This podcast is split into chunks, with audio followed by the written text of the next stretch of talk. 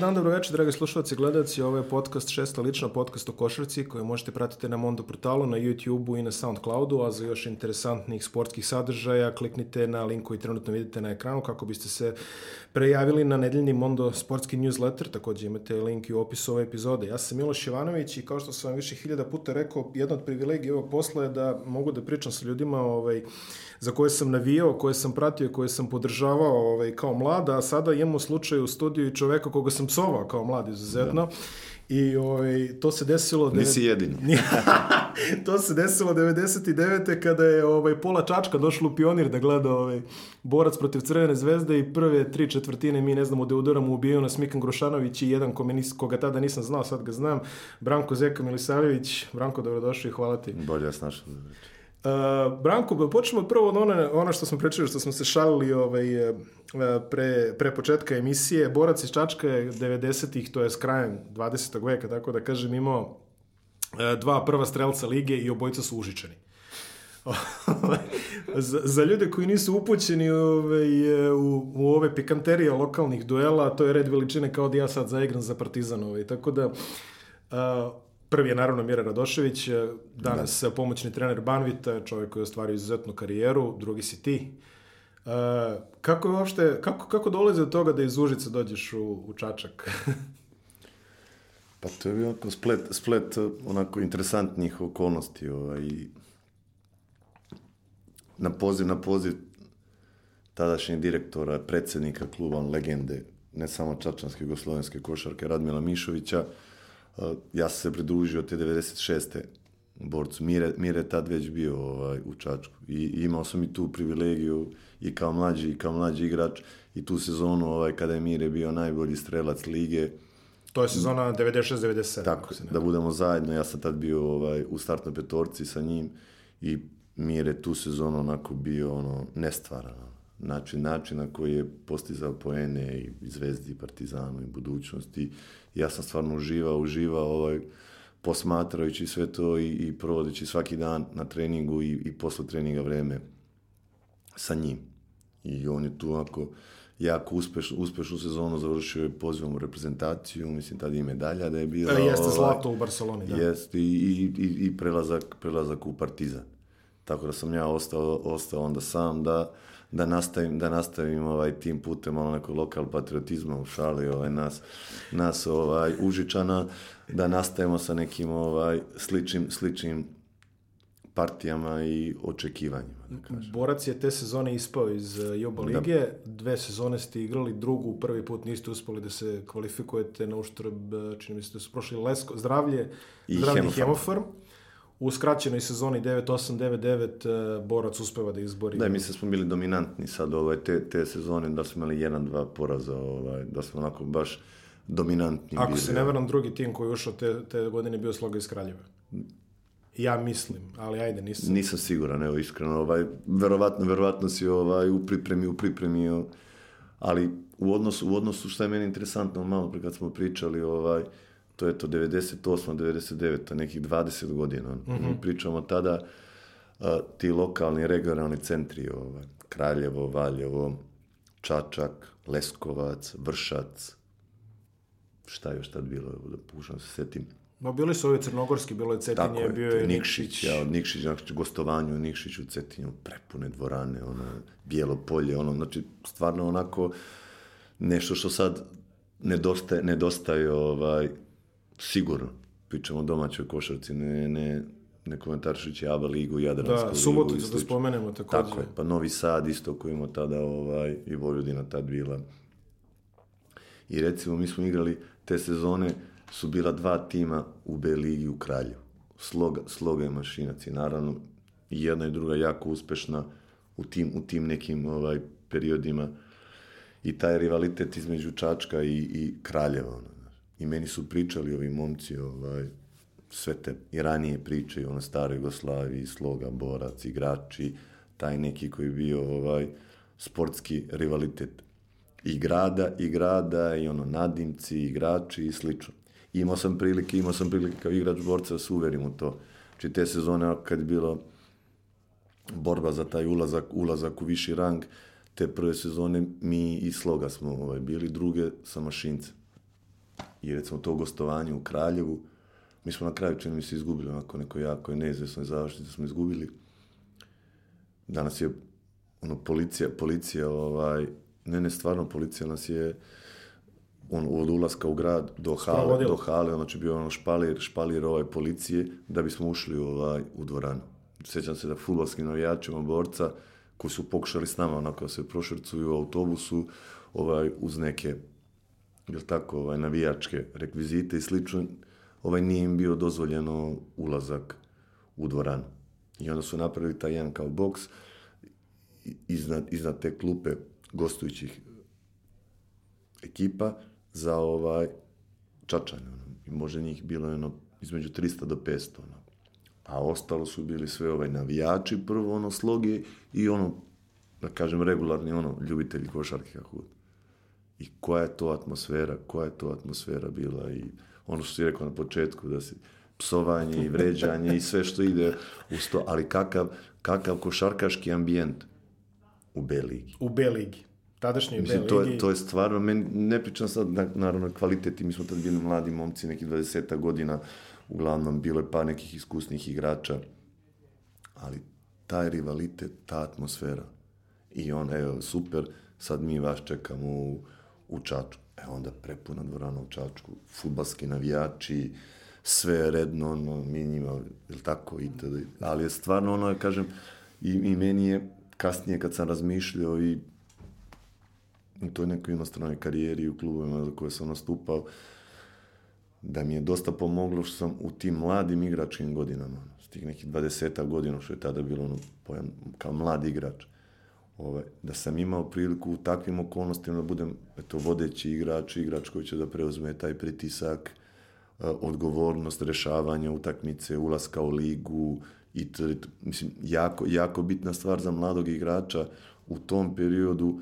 u klubovima velikog ovaj rejtinga, tradicije, pritiska koji nosi sa sobom. Da igrate u Čačku, da živite u Čačku kao iz Užica, da budete vodeći igrač, E, sa sobom, sa sobom nosi ovaj određene pritiske i rizike da svakog subot, da svake subote kad igrate kući budete Da, jel da. tako? Čašćeni sa određenim, ovaj. I to je onako izazov i za mene, ono, kad sam kasnije razmišljao, e, ako ja ovo sve radim ovde na ovaj način i, i dominiram i pobeđujemo i ono, neće mi biti problem kada budem jednog dana otišao negde. I što je bilo tako, eto, Bog hvala, kad sam išao dalje, da sam nosio sa sobom ovaj, tu neku strast da, da radim to isto. Definitivno ovaj, e, puno ljudi je istaklo sve vrline um, kaljenja mladih igrača u B ligama, prvo i Jugoslavije, stare, pa sad i ove krnje Jugoslavije, ali e, Imate na youtube možete pogledati, evo konkretno kad smo od Kraljeva, ima snimak kada sloga dobija Partizan ili budućnost, više sad i ne znam, u tim nekim sezonama završna Jubo Liga, pogledajte kakva je to atmosfera bila, to ljudi su ono, ovako, na metar od out linija. Ma ne, ne stvarno. Pa ne, ali bukvalno vi, vi uvodite, uvodite loptu ovaj, sa strane, out sa strane. Evo tu su. I on kao čujeno sad se priče feniranje, ili tako? Da, da, da. da. I ne, da ne kažem šta se sve dešava, ovaj, šta završava da, da, da. od da. projektila, od projektila u vas i, i to što sve slušate i slično. Ali to je ono, to je to. To, da. je, to je sport, to je taj... To smo mi. Tako je. Uh, Borac 99 ulazi konačno u Juba ligu i tada ovaj, dešava se verovatno najbolja ekipa borca, ono još od e, ere Radmila Mišovića Čačinana koji je bio prvi strelac borac koji je opravdao reputaciju svih vremena. svih vremena. Sigurno. E, Izuzetna ekipa borca na klupi, e, gospodin Stepandić, e, Mikan Grušanović je doveden da igra centra iz Beo Petrola sad se ti tu već, tad si bio i prvi strelac u ostalom te lige i to je, evo, kao što sam rekao, možda je najbolja ekipa borca u poslednjih jako dugo. Pa sigurno, sigurno šta mogu da tvrdim, evo sad nakon 20 godina ovaj, razmišljajući, slušajući pažljivo ovaj, i, i pre početka emisije ovako neko izlaganje i, i vraćanje, vraćanje u, u taj period, prvo koliko smo mi trenirali ono. Vreme koje smo provodili ovaj, u dvorani. Sećam se tih godina, mislim da smo imali tri nedelje, tri nedelje pauze da je bilo ovaj, u julu. Mhm. Mm Znači 11 i po meseci, ovaj, da vam sad ne pričam koji su to trenizi. Ja sam pokušao sad u razgovoru sa mladim igračima, svim momcima ovaj, sa kojima provodim dosta vremena, onako nekom zaista otvorenom, otvorenom razgovoru, da im ukažem da vreme koje oni provode i, i odnos koji mi kao sad neki treneri imamo prema njima u odnosu na ono što smo mi prolazili, jednostavno tada je takva, takva neka politika bila i, i pristup, pristup mladim igračima i treningu je bio sve osim demokratski na nekoj bazi, na nekoj bazi je hajde pa možeš, kako se osjećaš, jesi li umoran, i to da, I ti neki testovi, neki testovi mentalne izdržljivosti, ne samo fizičke, ovaj, su isto pokazatelja, da ako prođeš sve te, sve te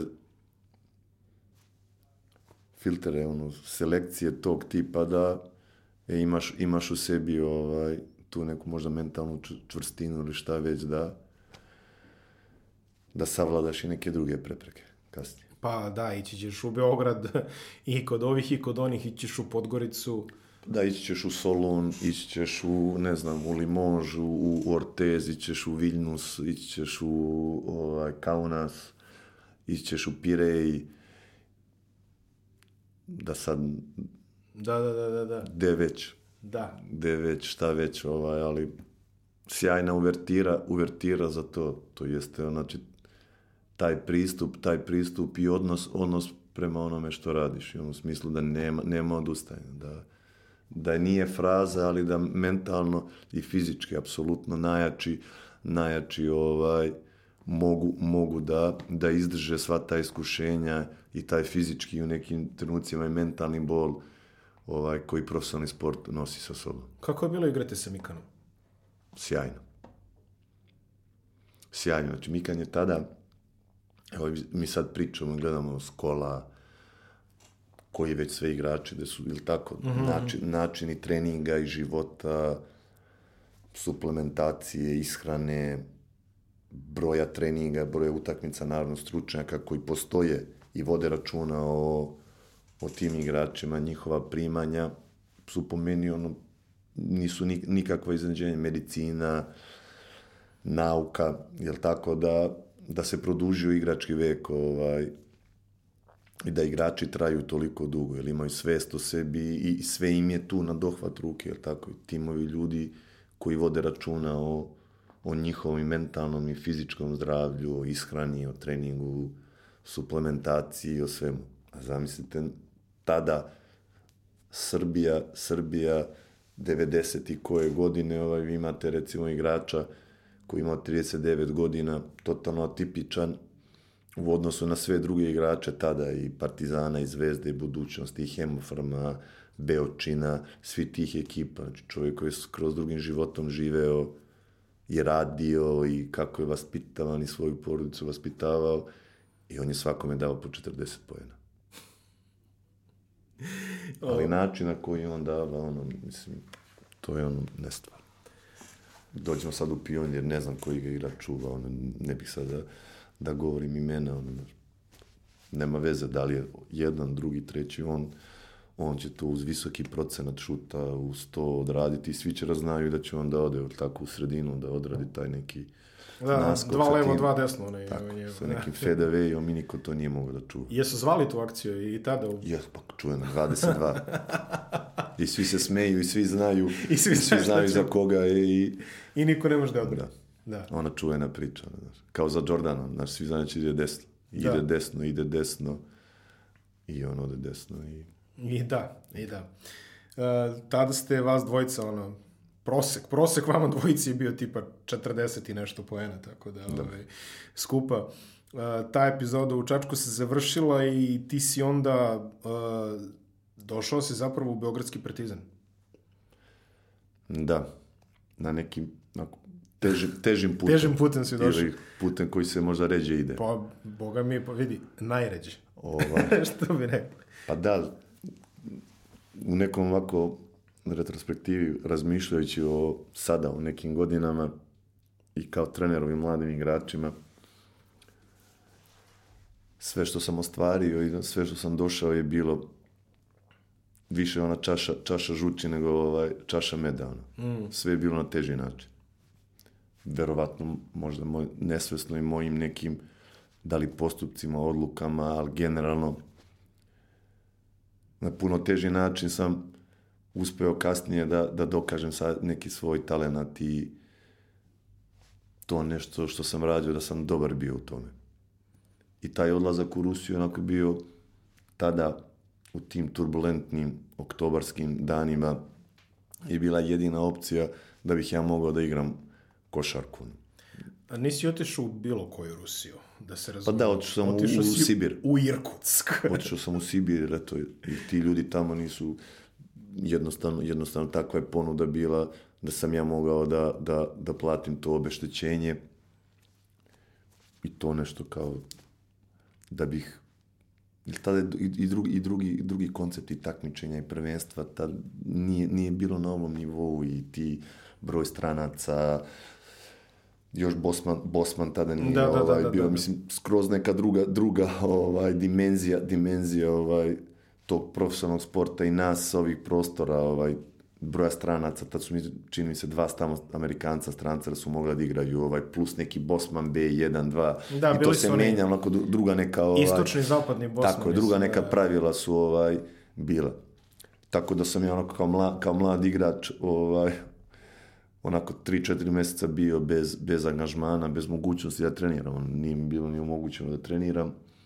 Da vam ne pričam gdje sam sve trenirao, ovaj, na betonu, u parku, ispred zgrade, na Novom Beogradu sam tad živio, da sam išao ispred Interkontinentala, da uveče ono, bila ta neka zelena površina. Ovaj, da, I to mi je bilo najbliže, nisam imao automobil, tad nisam bio ovaj, I tu sam išao ovaj, da, da trčim, da se spremam. Ovaj, nisam imao, tu je bio neki koš ovaj, ispred zgrade i tu sam ovaj, kao najbolji strelac lige i sam, ali zaista pa da, da. sam da. Provodio, provodio vreme kao trenirajući, ono, spremajući se za nešto, sam verovao da će da se desi. Da će se desi, da mora da se desi. Moj, moj pokojni otac mi stalno to govorio. I onako najveća podrška u životu bio da, da verujem u to što radim, da nikad ne odustajem i da će se sve to jednog dana vratiti i imao je pravo. Eto.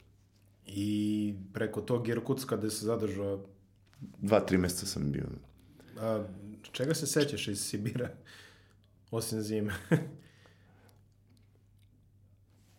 pa ne bih mogu, ne znam, u, u, to, u tom periodu, ako se sami sećaš, bile su te sankcije i to, mm -hmm. mi, smo, mi smo onako ovaj, sprečeni bili da da imamo neki, neki život možda koji sada, evo, da, da, da. kad pričate da vi možete da putujete ili tako, gde god želite, da nisu potrebne vize, da imate low cost kompanije, da imate internet, da proverite sve, da vidite, tada to nije funkcionisalo, ili tako? Da. Vi dobro zna, sami znate ovaj, kakva je procedura bila ovaj, nakon sankcija i svega i kasnije kao profesionalni igrač kroz sve šta smo morali da prolazimo da bismo dobili ovaj ulazak 30 dana, ovaj, jedan ulazak na 30 dana kao profesionalni igrači, a ne kao kao studenti, kao putnici, slično. Jasne, Koja je procedura bila da, da putujete bilo gde? Gde smo mi mogli da putujemo?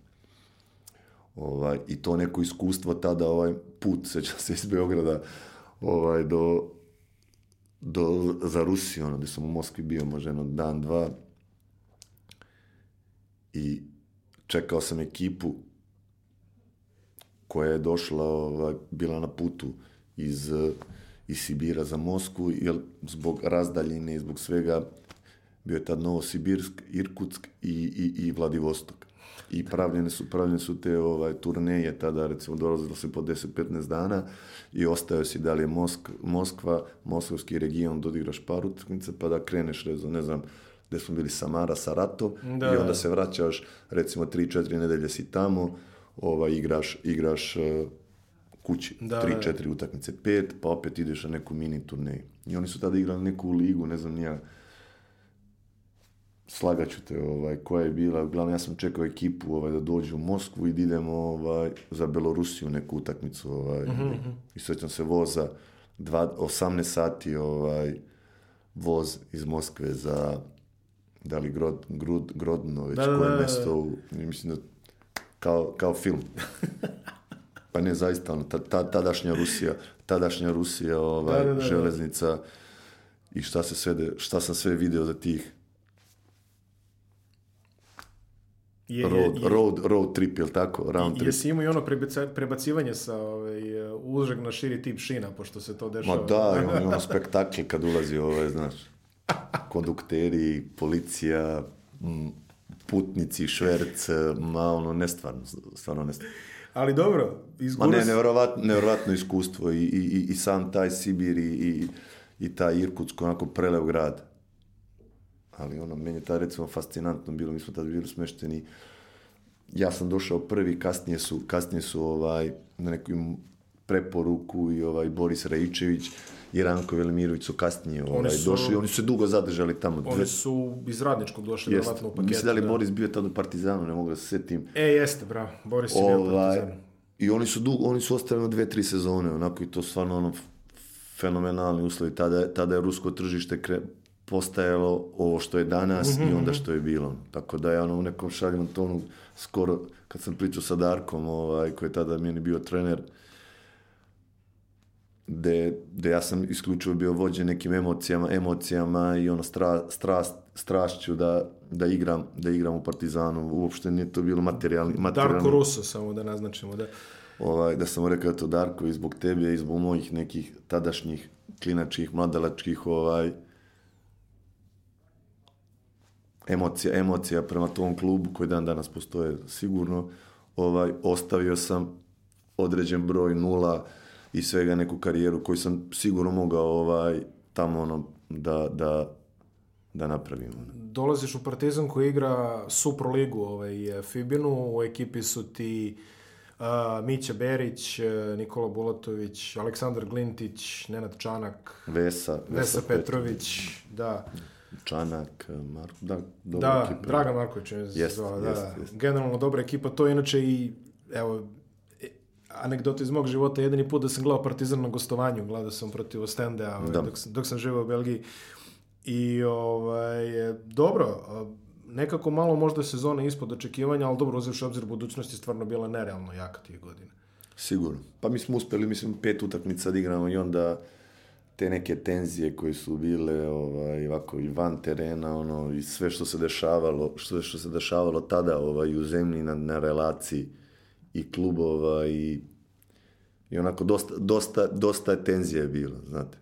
I ovde neki problemi, ja mislim da prekinuta utakmica, su navijači uleteli na teren, pa onda tamo play taj haos ovaj, u play ono, Dobro, mislim da su svi u Mislim, neke radnje, neke radnje koje nemaju veze sa sportom, ono, tada je bio taj početak toga, onako dosta se, os, mislim, mi smo to najviše osetili, ovaj, tada ta prva generacija, prva ekipa smo osetili na sebi ovaj, sve što je nosilo to rivalstvo i kasnije sve što se desilo u odnosima između dve zemlje itd. itd. Nažalost, to se dešava na sportskim terenima. Pa to prvo krene, istorijski gledamo. Kao i ranije, da, da, da, da gledamo da, da, ovaj, neka druga iskustva. E, zašto nisi ostao u Partizan? Pa tad je po istoku, po isteku ugovora, mislim tada da je, da je, da je Vujošević došao da, ovaj, za trenera došao, i da su došli neki drugi igrači, ta neka možda i uloga koja meni je ovaj, tada namenjena bila da sam ja nekako video, video, sebe, video sebe u nekoj drugoj ulozi, u nekoj drugoj opciji. I tad se pojavila ta ponuda da idem u Francusku ovaj, u Limoges, što mi je onako jako interesantno bilo. Sam tad spreman bio da krenem u te internacionalne ovaj, vode, da vidim mm. da, li, da li je ovaj... Da li je trava zelenija? Pa da, da li je taj prelazak, prelazak iz nekog domaćeg igrača, iz nekog nacionalnog prvenstva, ovaj, odlazak u inostranstvo i, i faktor da ideš kao, kao stranac i šta sve to sa sobom nosi ovaj, igrati, igrati u tako ozbiljnoj ligi, u ozbiljnom klubu, ovaj, kao jedan od ta tri, tri strana igrača koje su tada ovaj, imala pravo da, da nastupaju. Ispostavilo se da je bio jedan od najboljih poteza u, u mojoj karijeri, ovako, igrački, i individualno, i timski, onako, individualno, da je to bila onako sjajna, sjajna sezona i moja i kluba i onako uspomene na taj klub, na grad koji imao tada, tada neke ovaj, par godina ranije su imali neke finansijske probleme, neke malverzacije su ovaj, otkrivene i tako u ozbiljnoj zemlji, u ozbiljnom sistemu, ovaj, oni su morali čak i da dve godine pre toga da istupe iz takmičenja, da se vrate, da se vrate ovaj, regularno u, u, u prvu ligu sa dosta skromnim budžetom da plaćaju određene i penale i kazne i onako tad sam prvi put se upoznao, up, susreo, susreo kako funkcioniše ovaj zakon, jedan ozbiljan sistem kada dođe do nekih ili tako da, radni da, da, da, da. ono, i sankcionisanje ljudi koji su bili tada u sportu, šta im je sve recimo zabranjeno i kući neki pritvori i bavljenje sportom na neki određeni broj godina i to da ovako za mene sa ovih prostora, iz ovakvih nekog uređenja i svega bilo onako interesantno interesantno sazrevanje, sazrevanje samo kao igrač, kao ličnost da, da se uklopite sada u, u taj način života. E, Limož je bio zapravo prvi korak u tvom, koliko je to trajalo onda, 15 godina proputovanja ovaj, da. kroz, kroz različite zemlje i klubove i zaista imao si priliku da igraš e, baš za puno klubova malo možda interesantnijih ovako gledalcima i slušalcima, jer imat ćemo priliku da čujemo nešto što do sada nismo čuli u emisiji, ali ajde prvo, o Francuskoj si već ispričao, ti se posle vraća kao igrač, e, Levaloa i Nancy. I Nancy, da. da, da. S, kim sam, s kim sam osvojili prvenstvo. Ovaj. Da, da, imao si i to priliku. Uh, evo, prvo, prvo pitanje, malo ćemo da preskočimo, ali ovaj, Pariz igrao si za, mhm. uh -huh. za Levaloa. A, ovaj, a, uh, sećam se da mi je Žarko Paspolj koji je osvojio titulu poslednju da. titulu za Pariz dok je još tad bio Racing, čini mi se, on jeste, se zvao. Jeste, Pariz Racing. Da, a, uh, 90. recimo 7. 8. A, on je čak pričao da je Paris dosta specifičan po tome da ima previše sadržaja i da ljudi Jest. jednostavno ne obraćaju pažnju na profesionalni sport ako nije Paris Saint-Germain, je li? Tako je. E, kako je bilo biti profesionalni košarkaš u Parizu? Pa isto recimo kao biti profesionalni sportista u Moskvi. A, to je, to je ono što mi Miloš Teodosić pričao više puta. Da... Kao, kao što je recimo biti u Atini, mm -hmm. biti u Beogradu, biti u Solunu, u Viljnusu, ako pričam iz nekog mog onako skromnog iskustva. Ono. Sigurno, i meni je, meni je fizioterapeut ovaj, PSŽ, koji inače je bio dugo, ono 20 godina u futbalu je bio. I tada, tada je bio tih nekoliko godina ovaj, pre penzije, bio je u košarkaškoj ovaj, sekciji. I onako je jedan divan, divan tip, onako pravi francuz, onako e, prijateljski, prijateljski nastrojen prema, prema našoj zemlji, prema nama, onako i dobar u svom poslu. I često smo ovako na putovanjima kad smo sedeli u hotelu posle treninga i to ovako razgovarali i on mi je pričao da li tada trener u, u tom nekom periodu bio Vahid. Uh -huh, da, uh -huh. Da, da. I iskustva, iskustva tadašnjeg PSG i, i do tada sve što se dešavalo, to jest do pre ovih par, do pre par godina, mm, da, kad, kad je ušao taj kapital. Da, i, da, i, katarski, da. Ovaj, koji su oni problemi imali, ovaj, jer ta francuska futbalska liga, ti sigurno i pratio se, ja u tom periodu sam živio, imao sam prilike da idem par puta i na stadion, da gledam. Tad je, čini mi se, igrao, ako je bio Vaha trener, onda ste igrali Branko Bošković, čini mi se, i ta neka... Ovaj, Ali u, u, u, uglavnom, uglavnom, mislim, i, i, i sam, sam znaš da u, u Francuskoj jedan veliki, veliki deo populacije, pogotovo sportske, ide iz iz tog nekog staleža koji je ovaj niži. Mm -hmm. I uglavnom to su ono imigrantske ovaj da, da, da, da. generacije druge, treće, ovaj uglavnom Afrikanci, ono. Da. Uglavnom Afrikanci ili iz iz uh, tih kolonija bivših Alžira, Maroka već. Da. I ovaj i to sa sobom nosi određene ovaj, rizike, je jel tako? Ovaj, mislim, sticam okolnosti, imao sam priliku sa ti par drugara da, da napravimo nekih tura po tim predgrađima i onako da vidimo ovaj, te uslove života i čak u relativno dobrim krajevima. Tako su meni rekli, recimo, dobri krajevi gde, gde žive. Ja nisam taj moj drugar sa porodicom je tu živao, koji me je ubeđivao, pošto je on rođen tu, da je to dobar kraj.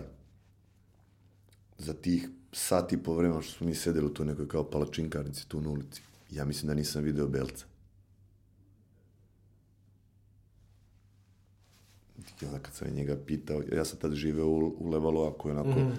dobar kraj, poseban kraj, ovaj, gde imao si malo više bele, bele ovaj, populacije. Ali se sjećam tu da je škola bila, ovaj, da li je osnovna škola, ono, tu nije bilo ovaj, bela dete. I on, mi je, I on mi je pričao ti problemi kada oni dođu do malih ugovora, tadašnji. Mm -hmm. Recimo, koliko je to bilo, ali za njih ne stvara novac, jel tako? Par stotina hiljada eura, recimo. Mm -hmm. Vi možete da neko ko je rođen i živeo i imaju porodicu, pa je na njih 10-15, ili tako, braće, sestara, rođaka, već koga. I sa tim novcem šta ti možeš da radiš u Parizu i koja su ti sve vrata otvorena i šta sve možda konzumiraš i kojim životom da živiš. I to mi on priča, onako razmišljao sam zašto nikada nisu mogli ovaj da naprave malo ozbiljnije rezultat i u košarci i u futbolu, da to bude neki kontinuitet. Ono. Mm. Pa zbog jednostavno nenormalnih Nejednakost. Izazova, izazova, izazova i držanje pod kontrolom tih igrača. Mm -hmm. I on je pričao tada da, za, što je meni bilo za Ronaldinja. Da, on je bio ispričao, čuven. pa ne, ispričao ako fantastično, ovo, znaš, sad dolazak, dolazak, ne znam, pošto su morali u karantin, već pričamo, ako, pošto je šesta lična, je tako? Da, da. Ovaj, I on je pričao, oni su sedeli tu, oni su sedeli tu ovaj, u, u Separeu i on kad su igrači dolazili ovaj, naš, u 12 sati kao mora da se bude tu. I da li je 5 minuta do 12 i on ima za sebe poseban gore ovaj, apartman da dolazi u, u društvu, u društvu ovaj, prijateljica i da se samo javlja kao Whatsapp, Whatsapp coach ili, ili tako nešto i ono, ne znam, sutra, ne znam, dva, tri gola, šta već, ono, ugovori, ono, delirium na stadionu i ovaj kaže, sad bi ga najradije, da, da, da. šta bih uradio, ona stara, ona škola ili tako, jugoslovenska, oko discipline, oko, oko ono,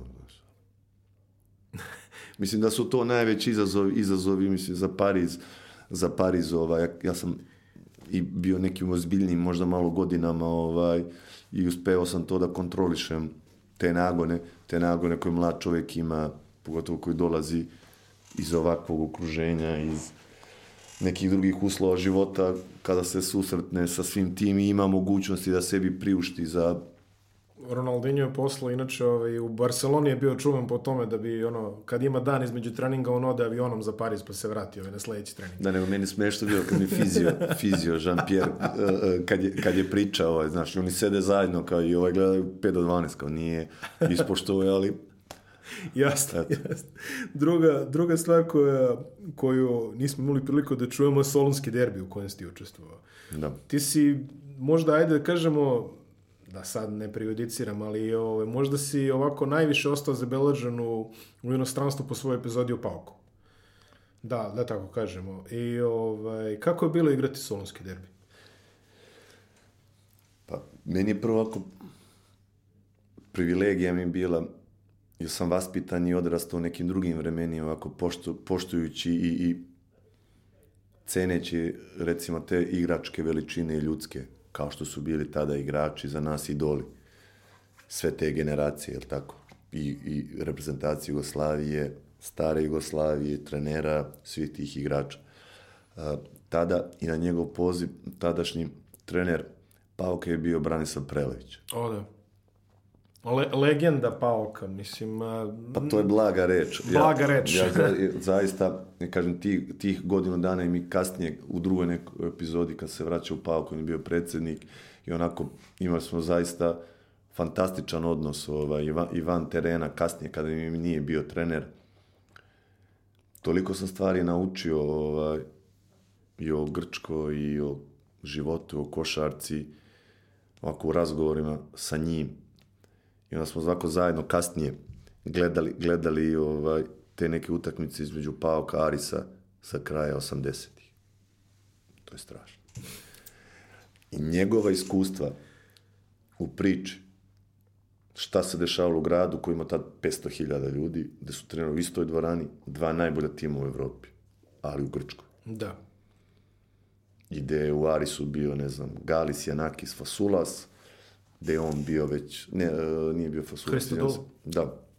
A on je, kasnije mu došao, ne znam, Zoran Savić, koji je bio ovaj, Korfas, I to, to je Paukova ekipa, da. I najjače ekipe, ovaj, ne znam, Amerikanac koji je bio, Sean Livingston, da li pre toga Ken Barlow, koji je već... Walter Berry, je Walter Berry, ono, da. strašno. Ortiz je bio isto ovaj, da. u Aresu. Ovaj. E, i, te, I te utakmice, onda smo gledali snimke, ono. To je strašno. I Bane koji je, ono, recimo, šta je meni fascinantno bilo, prva naša utakmica zvanična je bilo polufinale kupa sa Olimpijakos. Igrali smo ovaj, u, u našoj dvorani i, ono, i prva Banetova zvanična utakmica kao, kao trenera. Ono. Mislim, dvorana, ono, tada je protiv, protiv drugi put u prvenstvu protiv Olimpijakosa je bilo svih 9000 ovaj, on sold out raspored. I mi smo, mi smo ono sad zagrevanje spremamo što za utakmicu, inače to rivalstvo između Pauka i Olimpijakosa, to je nestvarno. Znači, sever, jug, da, da bogati, da, da. siromašni, znači, to ima ovako širi malo ovaj, da, da, aspekt, spektar, da, da. kako se posmatra, kao nekad u Italiji, ono, ili tako, Napoliju, mm -hmm. Mhm. zaista je tako. I dan danas je tako.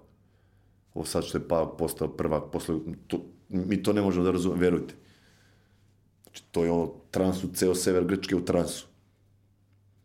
E sad, kroz košarku je to bilo tada, da Pauk pobeđuje Olimpijakosa, sada je Pauk onda... I, I mi se kao zagrevamo, spremamo se za utakmicu, ono, specijalci okolo, ono, sad da, da. sve što ide, ono, ali stvarno sve što ide, ono, sto, ono, su došli futbalski navijači, su došli, ono, koji su onako karakteristični i ovaj, i kada Bane, Bane ulazi ovaj, i cela dvorana kreće tu neku pesmu što su njemu pevali o Bane Bane. I to ne prestaje. I meni onako, ta, takav neki utisak bio onako i sad se ovaj da je on kao onako šmeker, ono, znaš, beogradski šmeker, onako, ono, samo seda, ono. Da, da, da, da, da. da Mislim, da, da. bez ono, znaš. A sa Arisom, sa Arisom, kaž, na osnovu njegovih priča, iskustava, on, ajde, malo Partizan zvezda, sve ono. Da, da, da interesantno je bilo u gradu, ono, ta atmosfera malo, pa ono, ako uđeš malo u kraj gde, da ne gde su više da ovi, pa da. to oni provociraju malo na ulici, dobacuju ti, ali nije, mislim, nije bilo nekog straha da ćeš, kasnije je bilo, to su bacile neke molotovljeve koktele na igrače i to, to je da, kasnije je bilo, ono, da. neke Amerikance su ovi, ovaj, sa motora, mislim da je to bilo neka borba za playoff, ta loša godina za Pao Kizaris, 2008-2009, slagaću I baš nakon neke tenzije bili su bacili koktel ovaj, Paukov na, na automobil ovih igrača, znači Amerikanaca. Da su oni pravili neke probleme, mm -hmm. provocirali, da li se tukli, ovi su im bacili ovaj, prvo su zapalili ono prostorije bili, ono, jer, jer svaka ta četvrt ima kao tira F ta, tira 4, kao tribina ta i ta, imaju neko svoje, svoje ovaj, kancelarije kao. Da, da, da, da i ovi su prošli ono na, na motoru i veče pred utakmicu i bacili su im ova, i ono zapalili, ono, to je onako bilo uvertira za, za sutrašnju utakmicu. Da, ovaj, e, uvek, e, uvek kada stvari eskaliraju u našoj zemlji, ovaj, prisjetimo se da zapravo u Grčkoj to može da izgleda... Pa da, ja sam slušao i vi ste slušali on Pantenikos, Olimpijakos, odnosno da. na Zvezdu, Partizan da, ili ne znam, Fenerbahče, Galatasaray, da, da, da je to da, da. ipak... Da ako pričamo za Evropu, ne, ne, da, ne naravno, idemo, naravno, naravno. da ne idemo dalje, ono, da to nema veze sa, sa razumom. Ono, znaš. Jasno, jasno, jasno. Postaje A, dosta opasno. Ono, mislim. još dva interesantna iskustva, igrao si za Ljetovas. Da. E, znači imao si, ti si u suštini imao, igro si za Olimpijakos. Tako da imao si možda, ajde da kažem, osim tog istambulskog, možda četiri od pet najjačih e, da. košarkaških derbija se iskusio kao igrač. Uh, A, koji ti je nekako najdraži ovaj, ostao u sećanju igračko? Znači imaš i atinski, imaš i da. solonski. Ja, e, zamisli sad kad bi ti rekao, recimo u Nemačkoj, Telekom Bon, A, bon. Keln. O, pa dobro, to je... To je, recimo, ja, ja nisam imao predstava. Sada, sada kada mi, kada mi evo, ti, mm -hmm. ti mhm. nabaraš, je to stvarno iskustva, sve super, svaka priča za sebe onako posebna i taj naboj neki... Uh, ali recimo sad odlazi, odlazimo ponovno u neku zapadnu Evropu, u Nemačku koja ima 2005. Tadašnja organizacija lige, infrastruktura, dvorane, poseta organizacije, pa ja mislim 15 godina ispred. Mm -hmm. Prezentacija, utakmice, sve ono u odnosu na ne znam koju ligu, verujte. Ovaj, I tada mi smo, ono, dobri smo bili jedni i drugi, taj Sale Obradović igrao za Kelno, onako dobro su Pešić, onako iskusnu, iskusnu ekipu, dobro su imali. Ko je tebi bio trener u Bona? Peđa Krunić. Mm -hmm. Sjajan tip, ovaj Peđa koji je onako veliki trag i bio prvak Nemačke, onako dugo godina i živi, radi tamo sa velikim uspehom, fantastična ličnost. Jedini naš trener ovaj, koji je dozvolio sebi da recimo ima u ekipi između pet i sedam igrača koji se prezivaju Neić. U Nemačkoj. Ne, ne, da. zaista, ja to moram, ja to moram da kažem, ovaj, u razgovoru sa Saletom, sećam se tako kad smo pričali, ovaj, on je bio, on i Pešić, Pešić koji je bio, ovaj, ili tako, nemački da, da, da. dvojno državljanstvo, znači, nije bilo igrača ovaj, s ovih prostora u Bambergu, u ovim, nije ih bilo, u Bayernu to nije ih bilo. A tadašnji Bon je imao, imao pet igrača ovaj, sa prezimom Ić, neki su bili iz Hrvatske, neki slovenački državljani, ali uglavnom to je onako bilo jako interesantno za Nemačku tu 2005. ne 2019. Ono, malo drugačije ovaj, pod utiskom svega onoga što se dešavalo, jer tako, 90-ih i tih nekih stereotipa i propagande i kroz medije i, i zaista je tako bilo. Mhm, mm mhm. Mislim, prezime i ono, nije, da. nije bilo toliko ovaj, česta. I recimo taj derbi, taj derbi gde smo igli pred 18.000 ljudi. Gde meni uh, e, Načve i Aleksandar, ovaj, koji je bio moj saigrač tamo i dugo godina i karijeru i završio u Nemačkoj. Ikona nemačke košarke. Tako, ja koji je strabalan i tip, igrač, onako ve, veliki trag je ostavio u nemačkoj košarci. Mi je rekao, i e, sad ćeš vidjeti šta je ovaj derbi. Kao, nećeš moći da veruješ. I, i, i Kelna arena, onako predivna, ono ja mislim da je bilo, on mi je rekao, skoro 10.000 ljudi iz Bona je došlo u, u dresovima, ono, ja nisam mogao da verujem. Kad smo izašli, kad smo izašli, 18.500, mislim da je bilo ovaj zvanični podatak, ono. Skoro 10.000 ovaj, ljudi je došlo iz Bona da gleda da gleda tu utakmicu. Pa dobro, kakve god mi ovaj predrasude možda imali prema Nemcima u nekim aspektima, ovaj, ne može se reći da nisu posvećeni sportski navijači. Oni su sportska nacija. Da, da. I toliko, uh, uh, nemoj pogrešno me, da me ti shvatiš ili, ili ovaj slušalac ili oni su sjajni. Mm. Znači, prvo moj tretman tamo kakav je bio ovaj, na svakom koraku i, i sa, sa igračima, sa ljudima, uh, navijačima koji su me obožavali i neke transparente nikad nisam doživeo, osim u Nemačkoj taj neki transparent kad sam dao koš za pobjedu protiv Kelna ovaj, da na sljedećoj utakmici na celoj tribini ovaj, bio, bio neki transparent namenjen meni. I ti ljudi koji su nas petoricu ovaj, i plus trenera.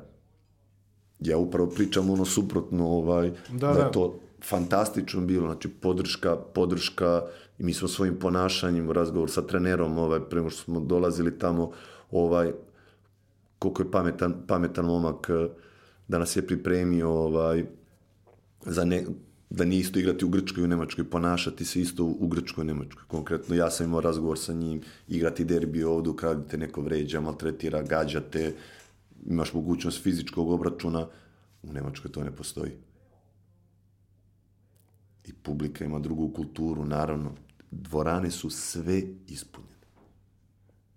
Znači svaka dvorana od Bamberga 10.000 do ne znam Ludvisburga do Braunschweiga u fantastičnoj dvorani gde god igraš. Prepune su dvorane. Sportsko navijanje, znači svet dolazi, jel tako, u dresovima, ima neku drugu kulturu, da popije, da pojde, da sa porodicama, da navijaju, posle utakmice da aplaudiraju i pobjedničkoj ekipi i tvojoj ekipi ako se borila, dala neki svoj maksimum. Ti nakon utakmice imaš obavezu, taj prostor sa navijačima, gde tvoje obaveze u ugovoru da ti moraš da, da se pojaviš i da provedeš ono, popiješ piće sa njima, da razgovaraš, da se slikaš, da mm -hmm. jednostavno to je u njihovoj kulturi drugačija percepcija ovaj, sporta, pobede, poraza. Pa to su bliži NBA u suštini. Ovaj, Tako. Da, po, po tom ovaj, A, kažem da ne navodimo već stvarno jer igra si za puno klubova, ljudi mogu i da pogledaju, ove, ima si među avanturu u, ove, u Megi i još ne i u radničkom čini mi se u jednom da. momentu, ali uh, ono što je interesantno, završio si karijeru u Švajcarskoj. Da. I odigrao se, čini mi se dve sezone ili više, ove, da. čak u da. Švajcarskoj, da. čak si u sa 30 i koliko, 8 godina bio prvi strelac ove Švajcarske lige. Uh, A, kako izgleda ovaj, e, igrati košarku u Švajcarskoj, jer eto stvarno o tome redko kada smo imali priliku da mm. čujemo nešto? Pa, dosta bi se ljudi iznenadilo neki nivo, neki nivo ovaj, kvaliteta, kvaliteta ovaj, organizacije, drugačija organizacija, ono, funkcioniše poluprofesionalno veliki broj tih sportskih radnika, uh, su maltene ljudi amateri, ono, u smislu da vole košarku, da imaju svoje ozbiljne poslove i da svoje slobodno popodne ovaj odvajaju da provedu uz klub. Ovaj, I u Ženevi, ako pričam, eto, Ženeva, uz Friburg, uz Friburg, Ženeva i Lugano, da su najpoznati, najtrofejniji ovaj, njihovi klubovi. E, od tih, koliko je tada bilo, deset klubova, pa sigurno pet ili šest klubova ima pet Amerikanaca. Mm -hmm Znači svaki pet Amerikanaca i veliki broj domaćih naturalizovanih igrača, to su ovaj, uglavnom afrički igrači. Pa da, čini mi se sad i Clint Capela je švajcarski, yes. tamo se pološa. Se floša da, i koliko... Da. da. E, vi sad dođete recimo, evo, skoro sam nešto gledao, ovaj, Ženeva, ono, imate dva belca. Dobro, ni futbolska reprezentacija nije drastično e, drugačija. E, tako da, atletski nivo, atletski nivo. Da, da, da. Imate recimo, taj jedan VV je bio tada, imali su sedam igrača Senegal, Senegal i, i, i Kongo. Mm -hmm. Imali su te neke papire, boravak, to mogli su igrati kod domaćih igrača. Vi sad izađete, recimo, njih četvorica po 20. Ono, atlete trče, ne znaju puno. Ono. Da, da, da. Ali u smislu, ako niste fizički spremni i košarkaški, ono, ne možeš tek tako lako ovaj, da, da ti budeš dominantan tu. Jasno, jasno. Uz pet Amerikanaca prvih pet ekipa, svi su imali pet Amerikanaca. Tako da za mene, ova, koji nisam imao predstavu ovaj, košarkaški, onako, prvi, prvi meč kad sam igrao, to je bilo oko polu, polufinale, išli smo u Montej, oni su imali četiri Amerikanca i još tri, četiri crnca. Ono. rekao, šta je ovo? Nis, nisam imao predstavu ovaj, o košarci, o, mm -hmm. o takmičenju. Meni, je, mislim, glavni razlog uh, bilo da li dosta da nam još u Megi ovaj, u, dogo, u dogovor sa ljudima iz kluba da završim tu ovaj, karijeru i da krenem u neke druge vode, jel tako, da li kao neki funkcioner, da li kao sada što sam trener, ja sam imao još tu neku ovaj, želju da, da još malo ovaj, Zaigraš još. Igram još malo, da. Iako mi nije bilo dovoljno koliko 15-16 do tada 17 profesionalnih sezona. I onda, eto, slučajno se pojavila ta opcija za Lugano. I onako meni ono interesantno bilo kad sam ušao da vidim ono mm -hmm. kako izgleda taj grad, zemlja onako rekao ajde, ajde, ajde da završim putovanje ovaj u alpskoj zemlji koju nikada nisam bio ovaj i više mi je bilo onako interesantno šta je to svi što smo slušali tako švajcarsko i što smo pričali da. taj taj život švicarska i da je ovo ovaj, da vidim šta je da je na nekom svom jel tako ličnom primjeru iskustvu, posvedočimo ovaj, o tome. I nisam pogrešio, sigurno. Ti si tamo posle i bio trener u Montenegro. Da, bio sam, ostao, ostao sam sezonu da radim, imao sam ponudu da nastavim dalje, ali iz nekih privatnih, privatnih razloga, ovaj, zbog porodice, odlučio sam se da se da se vratimo. Ovaj, misliš li, misliš li da Švajcarska može? Evo oni su, mislim imat ćemo priliku da gledamo švajcarsku reprezentaciju u kvalifikacijenom ciklusu, jer su u grupi sa Srbijom za Evropsko prvenstvo 2021. Ali misliš li da oni možda, ovaj, mislim, hvala Bogu, materijalno im ne posustaje, ovaj, sasvim su tamo dobro smešteni, a kao što sam kažeš, ono što njima fizički a, nedostaje možda prirodno, nadomešćuju emigrantima koji dolaze u zemlju. Tako je. A, tako da, da li sa tim miksom talenta i ekonomskih uslova misliš da Švajcarska uz određenu motivaciju može možda da se profiliše kao neka sportska nacija u košarci u budući? Pa prvo šta je tu jako, jako e, problematično za uh, gro ekipa je u francuskom kantonu. Mm -hmm. Nemački kanton, on je orijentisan na futbal i na, Hockey. zimske, na zimske sporte. Da, da, da. Lugano, uz futbal naravno, to je italijanski da, kanton, italijanski. ovaj, znači futbal koji je, je tako, broj jedan i hokej. Recimo, tada je, tada je prvak te dve, tri godine prvak, prvak Švajcarski je bio ekipa Lugana, koja je imala budžet 25 miliona franaka. Da. 25 miliona franaka. I mi smo sticam okolnosti imali prilike da vidimo i u Ženevi arenu, u Cirihu, u Luganu i u Friburgu. Arene kako izgledaju za hokej.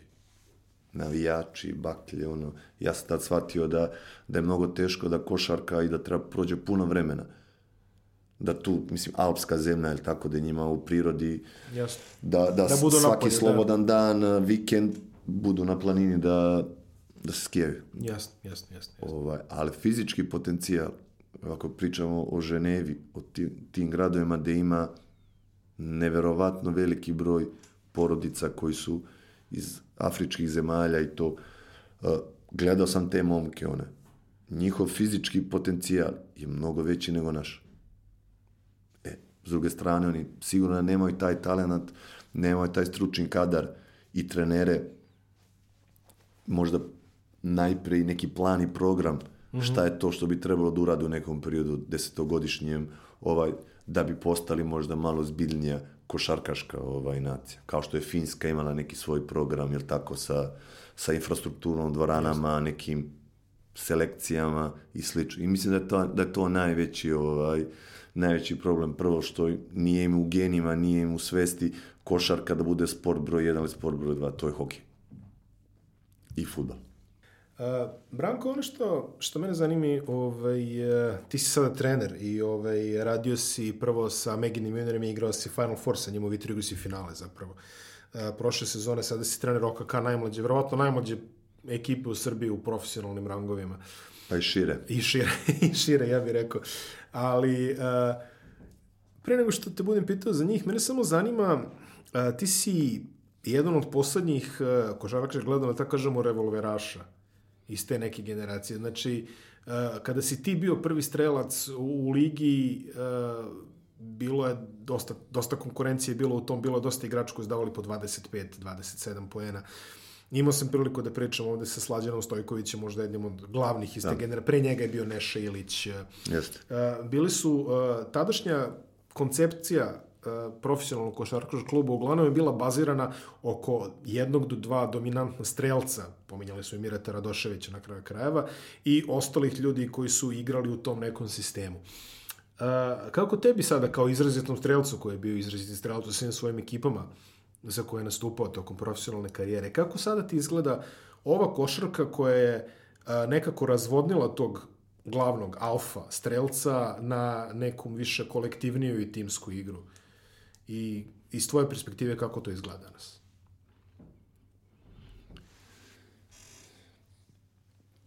Pa sigurno, sigurno da mislim da to nije problem samo u Srbiji, ovaj, da kažem i u regionu, i regionu i šire. Uh, sve manje manje ima... A ta, samo u NBA ima, mislim da se gaji taj kult još. I, ima na, i tih nadarenih možda talenata pojedinaca, ono. Ovaj,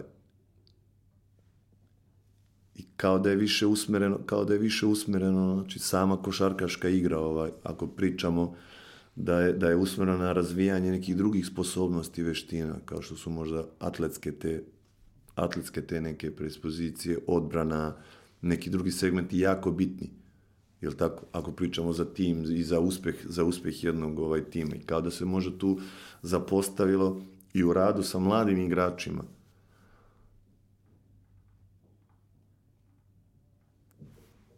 To neko pro prepoznavanje, prepoznavanje ovaj tih nadarenih pojedinaca i njihovih sposobnosti.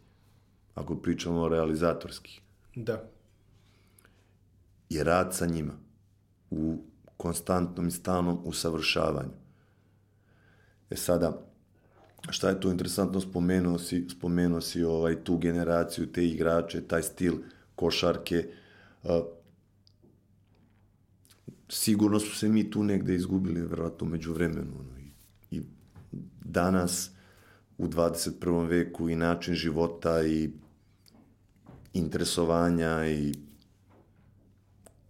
tehnološko, kulturološka ovaj, revolucija i sve što je Jasne. donela sa sobom, druga su interesovanja.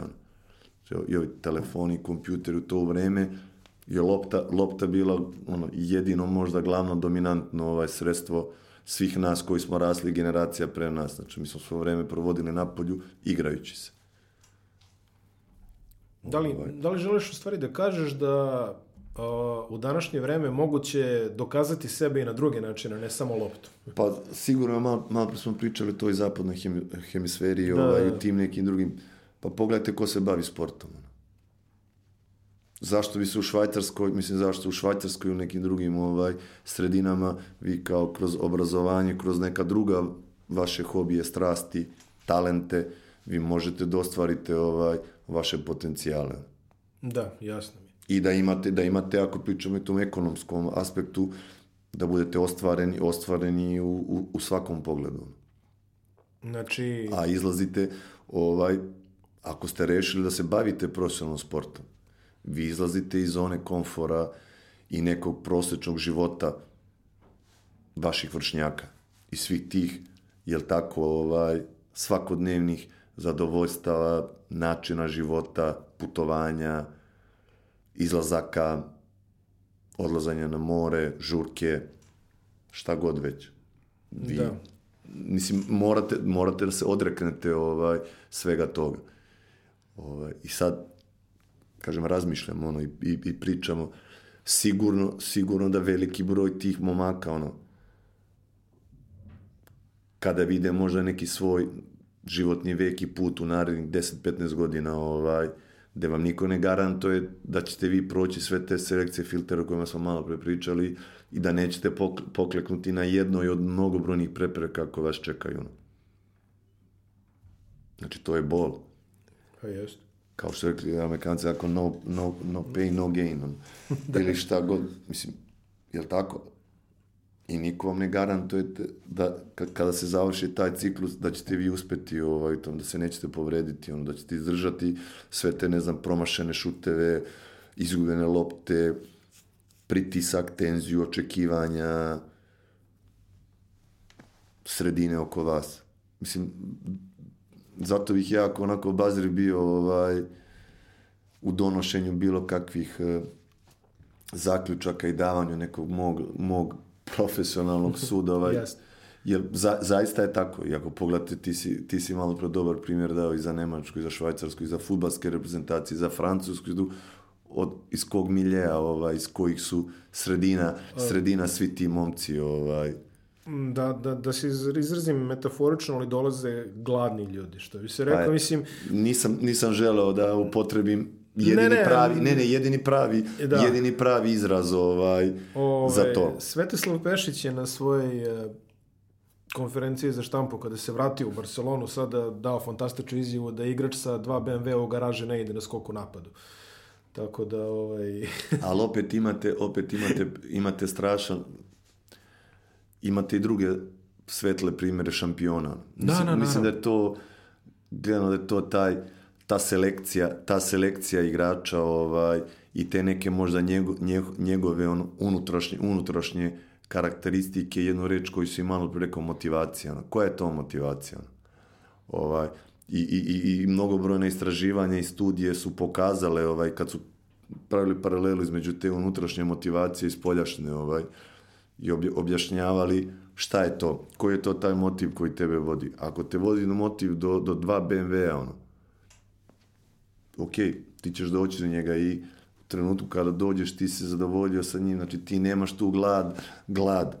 Pa na to, na, na to smo i mislili. Da, da. ostaviš, da. da ostaviš neki dublji trag, da sebe izraziš u onome što radiš. Ono. I uzmete primjer, recimo The Mind, The Mind uh, skoro, sam, skoro sam našao ovaj, sasvim slučajno tu od Kobe Bryanta, ovaj, ono, The Mind of Champion, već taj, da, da, da. kako mamba mentality, on, i slušao sam, I, onako, i došao sam onako pun utisaka mojim mladim igračima i, i, i pokušao da podelim sa njima. Eto, čovjek, upravo što si ti rekao, da su šampioni ovaj, retka i posebna vrsta, vrsta ljudi ovaj, da, da njih ne vode ovaj, ekonomski, ekonomski motivi, novac, slava, i sve što ide uz taj folklor ovaj, vezan, vezan za to, nego da imaju neku drugu misiju, misiju sa sobom, neke druge ciljeve koje sebi ovaj, postavljaju. Onda sam njega slušao celu svoju karijeru, kada mu je bio prvi trening ujutru, koliko sati, koliko je dnevno trenirao, pa slobodno vreme posle sezone, kako je provodio, s kim je sve razgovarao, tražio savete, tražio trenere, tražio da bi unapredio svoju igru i bio bolji. I da li nam to svima nedostaje možda kao društvu, ovaj, kao i nama pojedincima, da se, da se možda i zadovoljavamo sa malim stvarima. Ja sebe koliko puta ovaj, u razgovor s mojim igračima želim neke svoje možda greške i propuste koje sam pravio kao mladi igrač, ja nisam slušao ovaj, mog oca koji je sve onako video dosta daleko ovaj, i sve što mi je rekao ako je pogodio je vezano i za sport i za puno stvari to je ta konstantna nadogradnja, ono, glad da budeš bolji.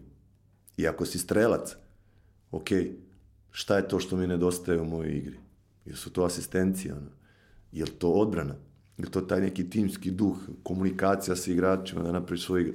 Toliko stvari gde verovatno ti veliki igrači, pravi igrači ovaj sebe sebe usavršavaju i imaju svest o tome šta žele da bude, da se ne, ne zaustave samo na tome da su strelci.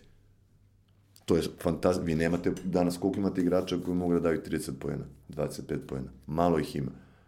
Ali sigurno treba da treba pogotovo u tim nekim mlađim kategorijama objašnjavati im da treba još da rade na sebi, da to je jedan, samo jedan od talenata, jedan od darova koji su dobili i da oni treba budu prepoznatljivi po tome, ali da ne, ne zapostave neke druge tehničko-taktičke aspekte itd. itd. To jest da budu kompletni igrači. Ako slušate najbolje igrače svih vremena, je pokušanje da kaže, e, koriste prednosti ovoga. Ukucajte mi to nismo mogli 90. Tako je. 95. E, ukucajte sada i, i pogledaj i slušaj šta priča najbolji svih vremena. Znači, nemoj slušaš mene, nemoj slušaš Ćala, majku, menadžera, ovog i ono. E, slušaš šta kaže najbolji svih vremena. Šta je on radio, kojim je motivima bio vođen, koliko je trenirao. Pa sad imaš ono ukuce, pa plati, ne znam, 500 dinara, 1000 dinara Pa pogledaj kako trenira najbolje na svetu. Mi to nismo imali. U želji da ostvari sve svoje potencijale. Znači da se, meni je žao, ja sam te kasnije kao igrač, pa sam uspevao, uspevao znači, uz neke velike trudeve lične i odricanja, da, da svoju igru, svoju igru profilišem i kroz asistencije i kroz taj neki pozitivan primer i mladim igračima, da budem s njima neki mentor i ono prijatelj. Ovaj, jednom reču vođa. Da nam trebaju lideri, ono. Jasno. Da nam trebaju lideri, ono.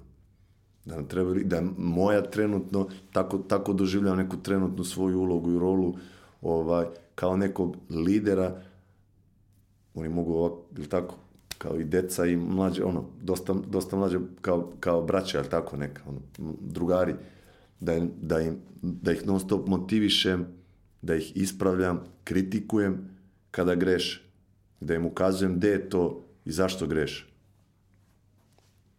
To je ono što ja mogu da uradim, znači konstantno da im dajem neke pozitivne primere, savjete, motivaciju da budu najbolja verzija sebe, ako žele da budu profesionalni sportisti mislim da je to ključa, ključa stvar, da oni još nemaju predstav o tom šta znači, šta nosi sa sobom profesionalni sport. I mi koji radimo trenutno sa tom generacijom, mi, naša glavna, glavna možda uloga je da ih spremimo za sve ono što nosi ovaj profesionalni sport. Ne mislim samo igrački. Naravno svakodnevne životne situacije, ugovori i šta već donosi ovaj moderni svet. profesionalizam. Tako je. Uh, ekipa OKK je trenutno na poslednjem mestu u, u KLS rangu, međutim vi, kao što smo rekli, najmlađa ekipa u Srbiji šire prose godine, šta, 18 i po? Tako je. Trenutno. Tako da, ovaj, uh, Ti si se sticajem okolnosti profilisao kao trener koji radi sa mladim igračima, kao što su već rekli, imao si iskustvo na uh, Final Four turniru, to jest, ne znam, završnom turniru, da tako kažemo. Da, Final eh, Eight. Uh, da. Final Eight, jel da, da. Završnom turniru Euroligije ovaj, iz junior, to jest onog ANGT-a, kako se već Jest. zove taj turnir, koji si igrao sa Meginim juniorima u Vitori. I ovaj, uh, šta misliš, imao si priliku znači, da, da dosta ovaj, pogledaš, sada i takođe radiš sa talentovanim mladim igračima. A, gde je trenutno Srbija po pitanju juniorske košarke u odnosu na, na Evropu, jer u posljednje vreme videli smo kako nam neke zemlje polako i odmiču. Da. Španija, Francuska, na primjer, između pa i Turska koja godina ima kvalitetne mlade igrače i koja je naša perspektiva i čemu se možemo nadati možda za nekih 5 do 10 godina u seniori? Pa nažalost ovo leto, ovo leto kada su mlađe selekcije ovaj u pitanju ako je bilo pa, jako ne samo mlađe. ovaj može malo i otrežnjujuće za sve nas.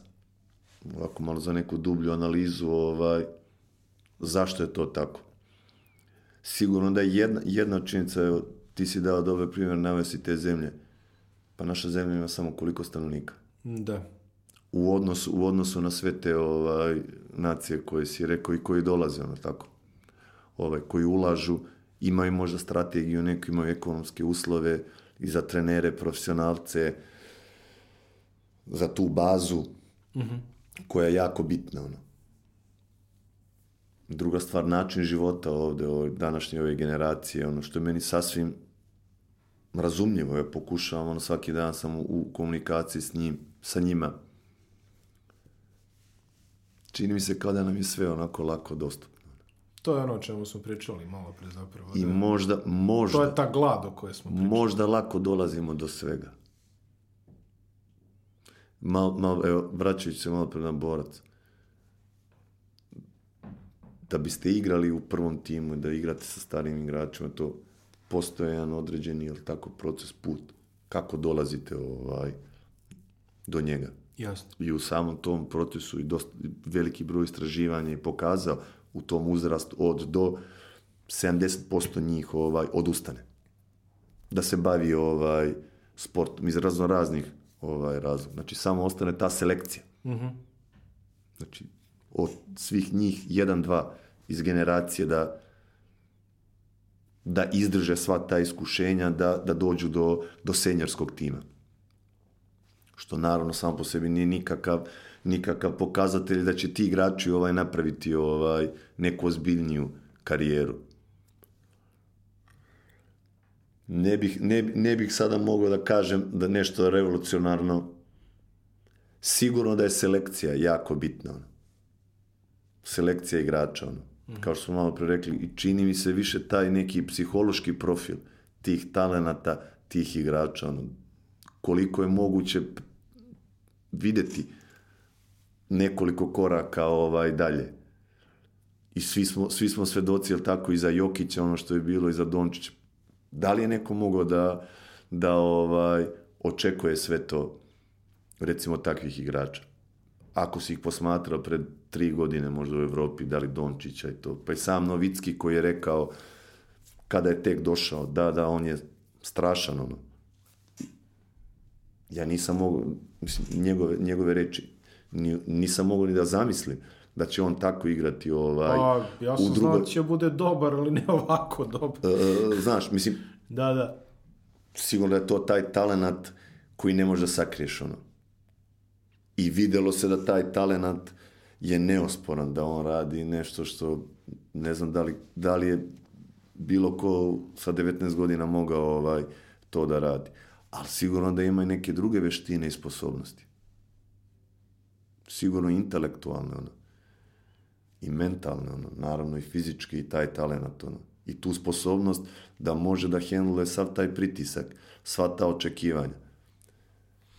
Dobro, on je Realov igrač tipa od 15. Pa godine, verovatno su ga dobro tamo pripremili, mislim nositi Realov dres. Pa mislim selekcija, tako. Da, da, da, da, da. Mi, mi imamo evo, sad taj primer koji si rekao, ja zaista se evo sad sa ove distance od nekih 6-7 meseci, uh, Megini juniori, rezultat koji su napravili prošle godine.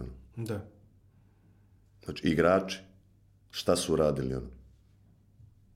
I mislim, ja, a, e, a, e, nakon završene finalne utakmice ovaj, u Vitori, ja sam im rekao, prvo sam se zahvalio što su me tako zaista učinili jednim od naj, najsrećnijih, najponosnijih ovaj, trenera ljudi u tom trenutku na način na koji su oni igrali, kako su se ponašali protiv takvih igrača i sistema i tog Avdije iz Makabija, Granta, eh, Rudanana, Nakić. Nakića, Garube, ono, Litvanaca koja je došla sa repstacijom ovaj, Litvanije.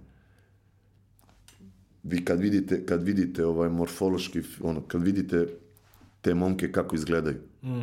to je strava. Pa I, onaj Garuba izgleda stvarno... I ja sam im rekao, uh, jednoga dana, kada bude prošlo puno vremena, ćete biti svesni koji ste vi podvig, šta ste vi uradili za ovih nekoliko dana i pre toga na ovom finalnom turniru ovde u Železniku, to je bilo stvarno nestvarno. Zašto, zašto vam to pričam? u razgovoru sa, sa kolegom mojim s kojim sam zajedno, zajedno ovaj, prošlu godinu bio u, u Megi, uh, iz te generacije, te generacije Reala. Vi imate Garubu koji igra sada Euroligu Maltenu petorci. Imate Nakića, jel tako, koji, koji je tu u ekipi u Realu, koji igra tako špan, špansku, špansku ligu i daje na neki utakmica 15-20 pojena. Imate Avdiju, koji je prošle godine – Euroligu za Makabi davao neki 15-20 poena koji dominira recimo u domaćem prvenstvu. Imate to nekog malog Ranta, 2002. godište, koji je u, u, u, u u timu Bajerna. Straobalni talent i potencijali on. Mm. Ali mi smo uspeli da kompenzujemo nedostatak možda tog talenta, tih nekih individualnih sposobnosti, timskim kvalitetom, borbenošću, velikim ono, energijom, duhom. Pričam na, na, na osnovu nekog našeg i mog skromnog ovaj, iskustva. Jasno mi. Um, za kraj, uh, Branko, ono što uvek volim da pitam, samo tri igrača koje si mora da čuvaš, koji su ostavili veliki utisak na tebe tokom igračke karijere, mm -hmm. a imaš puno toga sad, da ove karijere je bila dugačka. Tako da izaberi mi trojicu koju, koja si bila najteže za čuvanje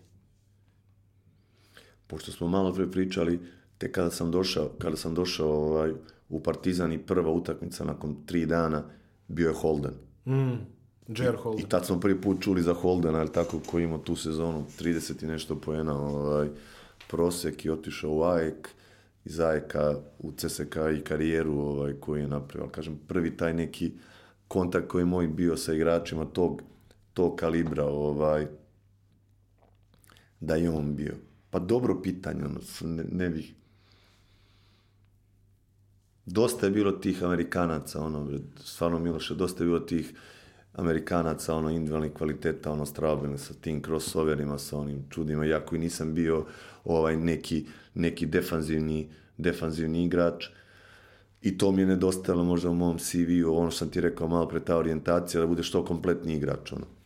Ovaj, ali sam eto imao, im, imao sam čast i tu privilegiju da igram sa stvarno velikim brojem igrača i da čuvam i ne znam Jeskevičiusa i onog Parkera u Makabiju, ono, sad kad vratim film, tek kad smo igrali, ovaj, ako se sećaš onaj koji je bio Parker, kak... Anthony Parker. Anthony Parker, ono, koji je ono strabalo, ono, ovaj, mislim, To, to je bila, to je bila fantastična ta, ta, ekipa. Makabi, dvostruki, dvostruki šampioni. Ta da. Makabi, ono, ta generacija, ono, ono, ono, ono nestvarno, stvarno. Da, da, to je, to je stvarno ovaj, dvostruki prvak Evrope, taj Makabi. Mislim da je, čekaj, tad je Skivičić čini mi se igrao. Ne, ja, uh, e, ne mogu da se setim da li je bio, nije bio Skivičić. Bio je Parker, to sigurno. Nije, Parker je bio, bio je ovaj Hoffman, onaj bel, beli, onaj Nate centar. Huffman, Nate pokojni, Huffman, pokojni Nate Huffman, umro. Nemoj da pričaš. Umro je nedavno, da. Umro je od... Bio je Derek Sharp, je bio... Derek Sharp je bio. Bio Derek onaj, Sharp. Eh, da se zove Baston. Baston je bio, da, jeste, da, jeste. Da, da Baston je, bio. Izuzetna ekipa, izuzetna ekipa koja je definitivno ostavila traga. Mislim da je čak Makabi osvojio tu super Superligu koju ste vi igrali, Ma, to je bio... Pantenikosa je pobedio, no. mislim da je u finalu je Pantenikosa pobedio. Da. Mislim. I ja mislim da je bilo... Mislim da je Pantenikosa... Tad su bile one ovaj- dve Evrolige, jeste, jeste. ja znam da je ovaj, valjda Bolonja osvojila tako drugu, tako da... Da je ovaj, dobila, jeste, jeste, jeste. Ovu vašu je dobio Makabi i to je... Ovaj, Tu se sećam Nate Huffmana koji, eto, nažalost nije, nije više sa nama. Ja još jednom podsjećam slušalci i gledalce da se prijeve na nedeljni Mondo Sportski newsletter klikom na link koji vidite ovdje ili u opisu epizode. A Branko, tebi hvala što si gostao i puno sreće u daljem toku sezone. Hvala tebi, sve najbolje. Hvala ti.